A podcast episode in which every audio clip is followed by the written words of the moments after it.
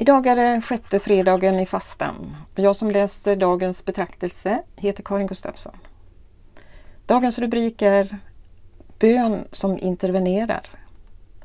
Det är inte mot varelser av kött och blod vi har att kämpa utan mot härskarna, mot makterna, mot herrarna över denna mörkrets värld, mot ondskans andekrafter i himlarymderna.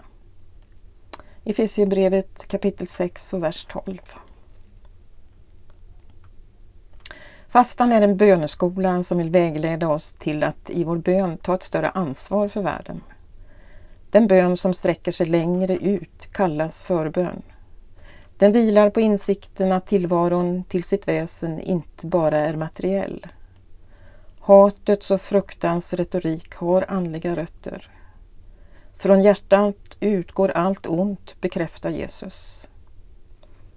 Men i hjärtat äger vi också förmågan att älska över alla gränser. Om inte Gud upprättar sitt rike i hjärtat blir alla ansträngningar att skapa en bättre värld illusoriska. Förebedjaren utkämpar med Bibelns språk en andlig strid.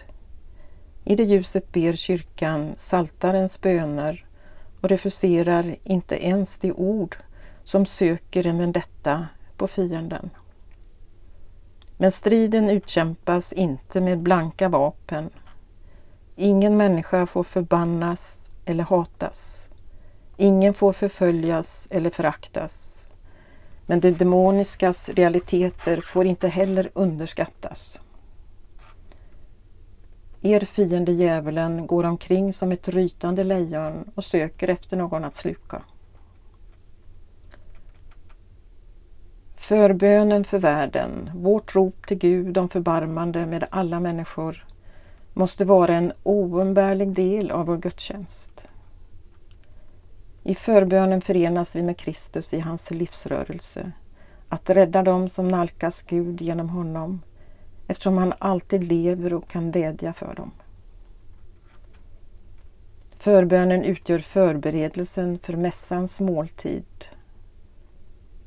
på samma gång som den får sin sammanfattning i nattvardsbönen som når sin kulmen i bönernas bön, den som Jesus själv har lärt oss. Låt ditt rike komma. Just de orden i Herrens bön utgör summan av all förbön. Med sin förbön utövar kyrkan sitt profetiska uppdrag. Hon drar framtiden till sig. En kyrka där förbönen har sin givna plats får ofrånkomligen konsekvenser för samhället. Politiskt och socialt, ekologiskt och ekonomiskt. Det är i tid och rum i den brustna skapelsen som den lidande mänskligheten, som Guds rike intervenerar. Var gärna med mig i en avslutande bön Kom till oss, bönens ande, och fyll oss med medkänsla för hela skapelsen så att vi övervinner vår rädsla för den som är annorlunda. Amen.